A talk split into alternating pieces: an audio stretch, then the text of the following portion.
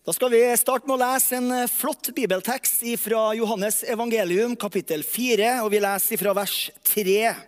Det står at Jesus forlot Judea og dro tilbake til Galilea. Han måtte da dra gjennom Samaria. Så kom han til en by Samaria som het for Sykar, nær det jordstykket Jakob ga til sin sønn Josef. Jakobs brønn var der. Jesus var nå trøtt etter reisa, og derfor satte han seg ned ved brønnen. Det var omkring den sjette time. En kvinne fra Samaria kom da for å hente vann. Jesus sa til henne, 'Gi meg å drikke'. Disiplene hans hadde nemlig gått inn i byen for å kjøpe mat. Den samaritanske kvinnen spør da, 'Hvordan kan du, som er jøde, be om drikke fra meg?' En samaritansk kvinne. Jøder omgås nemlig ikke samaritanere. Jesus svarte, hvis du kjente Guds gave og visste hvem han er som snakker til deg, gi meg å drikke, da ville du ha bedt den, og han skulle ha gitt deg levende vann. Kvinnen sier til ham, Herre, du har ikke noe å øse opp med, og brønnen er djup. Hvor har du så det levende vannet fra? Du er vel ikke større enn vår far Jakob, som ga oss brøden og sjøl drakk av den, slik hans sønner og buskapen hans også gjorde. Jesus svarte og sa til henne, hver den som drikker av dette vannet, vil tørste igjen. Men hver den som drikker av det vannet som jeg gir den, skal aldri i evighet tørste. Det vannet jeg gir den, blir i en kilde med vann som veller fram til evig liv.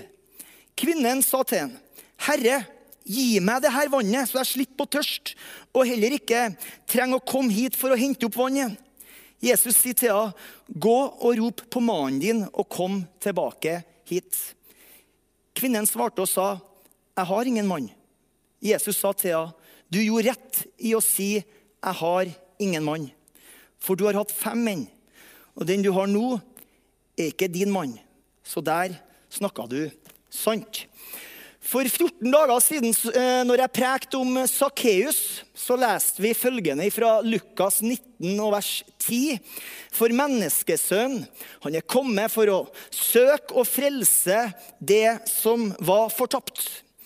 Og I dagens tekst om kvinnen ved brøden så står det i vers 23.: For Faderen søker dem som tilber slik. Begge disse tekstene, begge disse historiene tegner et bilde av hva den levende Gud holder på med over hele verden i dag. Sjøl om jeg og du ikke er helt klar over det. Og det er at han søker. Han søker det som er fortapt. Han søker tilbedere. Så i tillegg til at han holder hele universet sammen, og at han har full kontroll på alt som skjer, at han hører på alle bønner som blir bedt av millioner av mennesker over hele verden, så er det sånn at Gud, han søker. Og verbet det er i presens. Det beskriver en kontinuerlig handling. Så Faderen han søker hele tida overalt i verden. Han søker de fortapte, og han søker tilbedere. Hvorfor? Hvorfor er det sånn at Gud søker tilbedere? Er det fordi at Gud er ensom? Er det fordi at Gud er selvopptatt? Trenger en konstant applaus for å føle seg verdsatt? Jeg tror at det enkle svaret er at Gud, han elsker oss. Vi mennesker, vi er skapninger som tilber hele tida. Noen har sagt at hunder de bjeffer, fisker de svømmer, hester de galopperer, Fugler flyr. Og mennesker, hva gjør de? Jo, mennesker de tilber. Vi er skapninger som alltid søker. Vi søker etter noe som er større enn oss sjøl. Vi er skapninger som dypest sett forstår at livet det handler om noe mer enn arbeid, shopping og, og, underholdning. Vi er skapninger som alltid søker etter noe mer, fordi vi er skapninger som er skapt til å tilbe. Vi er på en måte uhelbredelig religiøse. Vi tilber noe eller noen. Du vet, Hver eneste helg så samles titusenvis av mennesker på forskjellige arenaer, på ulike sportsarrangement og konserter for å tilbe. I noen timer så blir vanlige mennesker behandla og betrakta som guder. Så ja, vi er skapninger som tilber noe eller noen hele tida. Spørsmålet er jo da hva og hvem er det vi tilber? Fordi hva og hvem vi tilber, er bestemmende for alt annet ved oss. Det vi tilber, det former vårt verdensbilde. Det vi tilber, det former våre verdier og det vi prioriterer. Det former våre relasjoner. Den, den kristne filosofen James Smith han sier at vi er det vi elsker. Så Gud i sin kjærlighet han søker tilbedere som tilber han. Hvorfor han? Fordi bare den levende Gud kan tilfredsstille lengselen i menneskets hjerte. Den kjente kirkefaderen Augustin fra Hippo han sa følgende at 'mitt hjerte er urolig inntil det finnes, inntil det finner hvile i deg'. Her i Johannes evangelium kapittel 4 så ser vi at Faderen han utfører dette søket gjennom sin sønn Jesus. Og Vi ser at Jesus han er klar over at han er på et oppdrag. Han er sendt, han er sendt av Faderen på et oppdrag. I vers 4 så leste vi han måtte dra gjennom Samaria. Spørsmålet er måtte han det. Nei, for det fantes andre ruter han kunne ha valgt fra Judea til Galilea.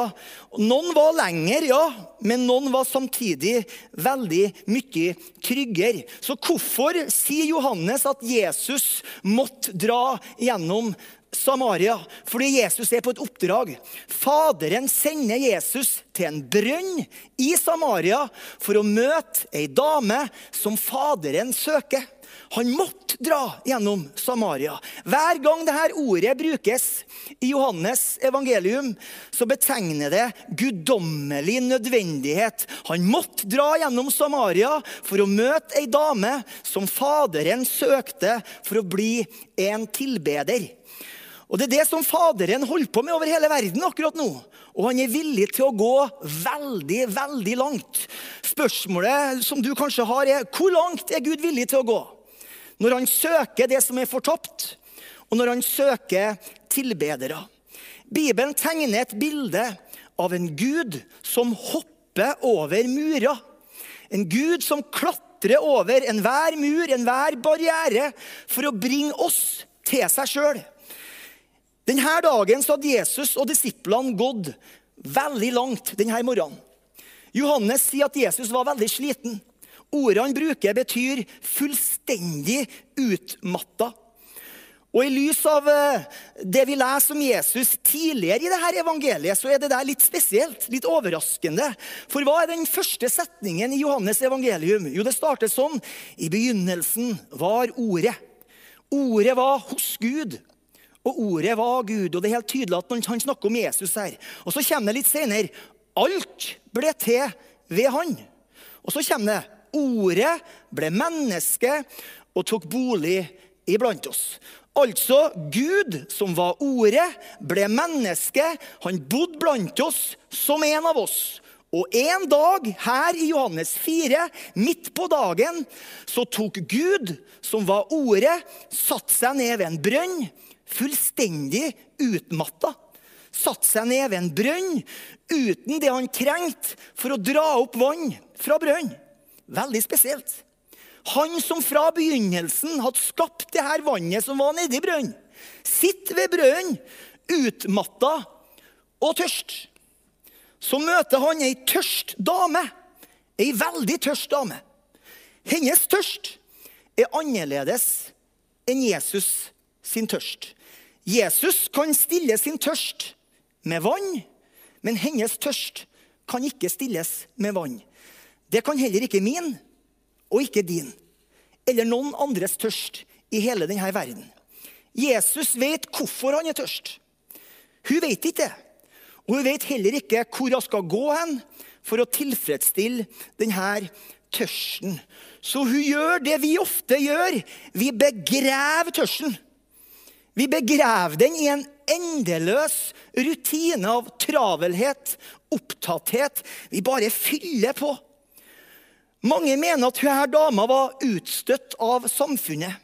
Hun kommer til Jakobs brønn, leser vi, som hun har gjort sannsynligvis hver eneste dag på den varmeste tida av dagen, den sjette time, klokka tolv. Og hun kommer alene. Det indikerer at hun enten så skamma seg for å gå sammen med andre kvinner, eller så er det sånn at de skammer seg for å gå sammen med hun og bli sett sammen med hun. Hun kommer til brønnen, og hun møter Jesus der. Han er fullstendig fremmed for henne. Hun har ikke peiling på hvem han er. Gi meg å drikke, sier Jesus.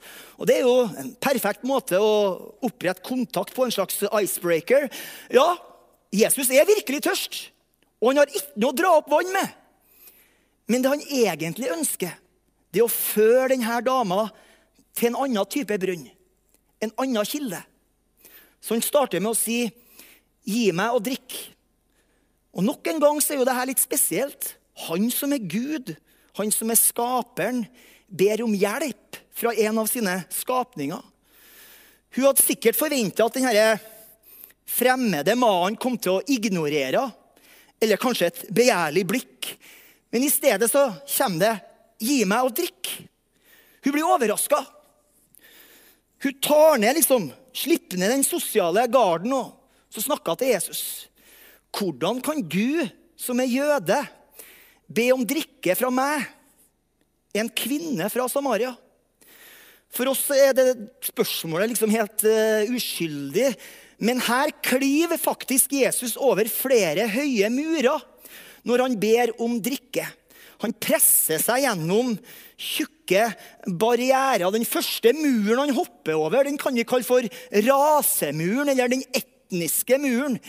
Eh, hun dama her hun uttrykker overraskelse over at en jøde kan be om vann fra en samaritaner. Det vi vet fra denne tida er at Mange jøder hata samaritanere. Og mange samaritanere hata jøder, og fiendskapet gikk mer enn 500 år tilbake i tid.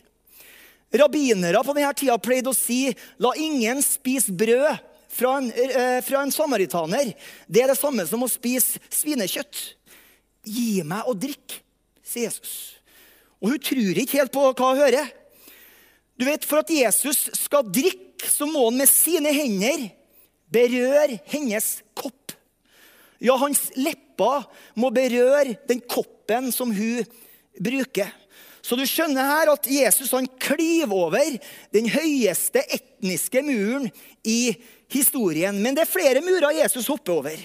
Han hopper også over den muren som handler om mann og kvinne. Hvordan kan du som er jøde, be om drikke fra meg, en samaritansk kvinne? Hun er sjokkert over at han som en jødisk mann i det hele tatt snakket til henne. Rabbinere har lært på denne tida at menn som ville være rettferdige og hellige, aldri skulle hilse på en kvinne offentlig. Og De lærte også at menn som snakka mye med damer, førte ondskap over seg sjøl. Det var en neglisjering av loven, og at man til slutt ville arve helvete.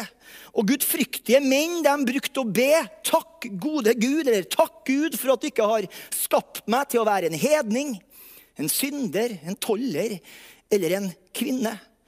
Så hvordan, de, så hvordan, de, klarte å lage unger på denne tida, det er for meg et svært mysterium. Eh, det sier jo litt om hvor primitiv mannfolk er. Skal ikke snakke med damer, men sex det vil vi gjerne ha. Så her sitter en mann ved Jakobs brønn som andre kaller for rabbi. Han snakker med ei dame helt alene. Han snakker ikke bare med henne. Han drikker fra hennes kopp. Når, når disiplene til Jesus, som har vært på shopping, eh, kommer tilbake og ser at Jesus snakker med ei dame, så blir de helt forskrekka. Og dama sjøl er også sjokkert. Men for første gang på veldig lang tid så føler hun seg som et virkelig menneske i Jesu nærvær. For den måten han behandler denne dama på, det er en revolusjon på denne tida. Han behandla som et helt menneske. Og det er sånn vi ser Jesus gjennom hele Nytestamentet. Gi meg å drikke. Med dette spørsmålet så klyver Jesus over datidens mur, som skiller, eh, som skiller og er, er, er en barriere mellom mennesker. Så fra vers 10 så begynner Jesus å adressere hennes dypeste tørst. Han sier til henne, 'Hvis du kjente Guds gave' Og hvis du visste hvem han er som sier til deg, 'Gi meg å drikke', da ville du ha bedt den, og han skulle ha gitt deg levende vann. Hun blir nysgjerrig, og det tror jeg jeg og du ville ha blitt òg. Og det er mulig at hun tenker helt naturlig her. Levende vann, friskt rennende vann. Er det det han snakker om? Herre, du har ikke noe å øse opp med, sier hun. Brønnen er djup, og de har funnet den brønnen i Israel. Den var 30 meter djup. Hvor har du så det levende vannet fra? Jesus begynner å forklare, og han snakker mer direkte til hennes dype tørst og hennes uoppfylte lengsel. Hver den som drikker av det her vannet, altså det her vannet oppi brøden, vil jo bli tørst igjen. Men hver den som drikker av det vannet som jeg gir den, skal aldri i evighet tørst. Det vannet jeg gir til den, blir inn en kilde med vann som veller fram til evig liv. Wow, Det virker som han sier at kvinnen ved brønnen skal sjøl bli en brønn, en kilde. Hun misforstår litt igjen, og det er jo litt forståelig. Men fordi at hennes dypeste tørst har blitt berørt av Jesus sine ord, så sier hun, 'Herre, gi meg det her vannet, så jeg slipper å tørste. Og heller ikke trenger å komme tilbake hit for å hente opp vann igjen. Uansett hva det levende vannet er, så vil denne dama ha tak i det. Og det vil jeg også. Og det vil du også. Så hopper Jesus over en ny mur. Det er den aller høyeste muren av alle murer. Det er det vi kan kalle for den moralske muren. Syndemuren. Han bryter gjennom til selve kjernen av hennes vesen. Gå og rop på mannen din, og kom tilbake hit. Jeg har ingen mann. Og Jesus han responderer, du gjorde rett i å si, jeg har ingen mann, for du har hatt fem menn. Og den du har nå, han er ikke mannen din. Så der snakka du sant. Hvorfor gjør Jesus det her? Hvorfor tar han fram det som stigmatiserer denne dama? Hvorfor tar han fram det som helt sikkert hadde skapt veldig mye smerte og sorg hos denne dama? Jo, det kan være flere årsaker. Men jeg tror at Jesus ønsker at hun skal, hun skal vite at han vet hvem hun virkelig er. Han vil at hun skal slutte med å leve i benektelse. Du vet, Jesus han er lyset. Og Når lyset slås på, så blir det skjulte, det blir eksponert. Ikke for at vi skal føle oss skyldige, ikke for at vi skal føle skam eller frykt, men for å føre oss inn i lyset, så at vi kan bli helbreda og hel på innsida. Du har hatt fem menn. Den du har nå, han er ikke mannen din. Hvorfor bringer Jesus fram det som er mest skamfullt for henne? Hør her. Fram til dette punktet i samtalen så hadde denne dama begynt sakte, men sikkert å føle seg elska. Tenk på alle de murene som Jesus har klatra over for å strekke seg ut etter henne. Hvis hun hadde gått hjem uten at Jesus hadde tatt fram dette manneproblemet, så hadde hun sannsynligvis begynt å tvile på veien, begynt å tvile på Jesu kjærlighet. Og jeg ser for, for meg denne dama da gå hjem.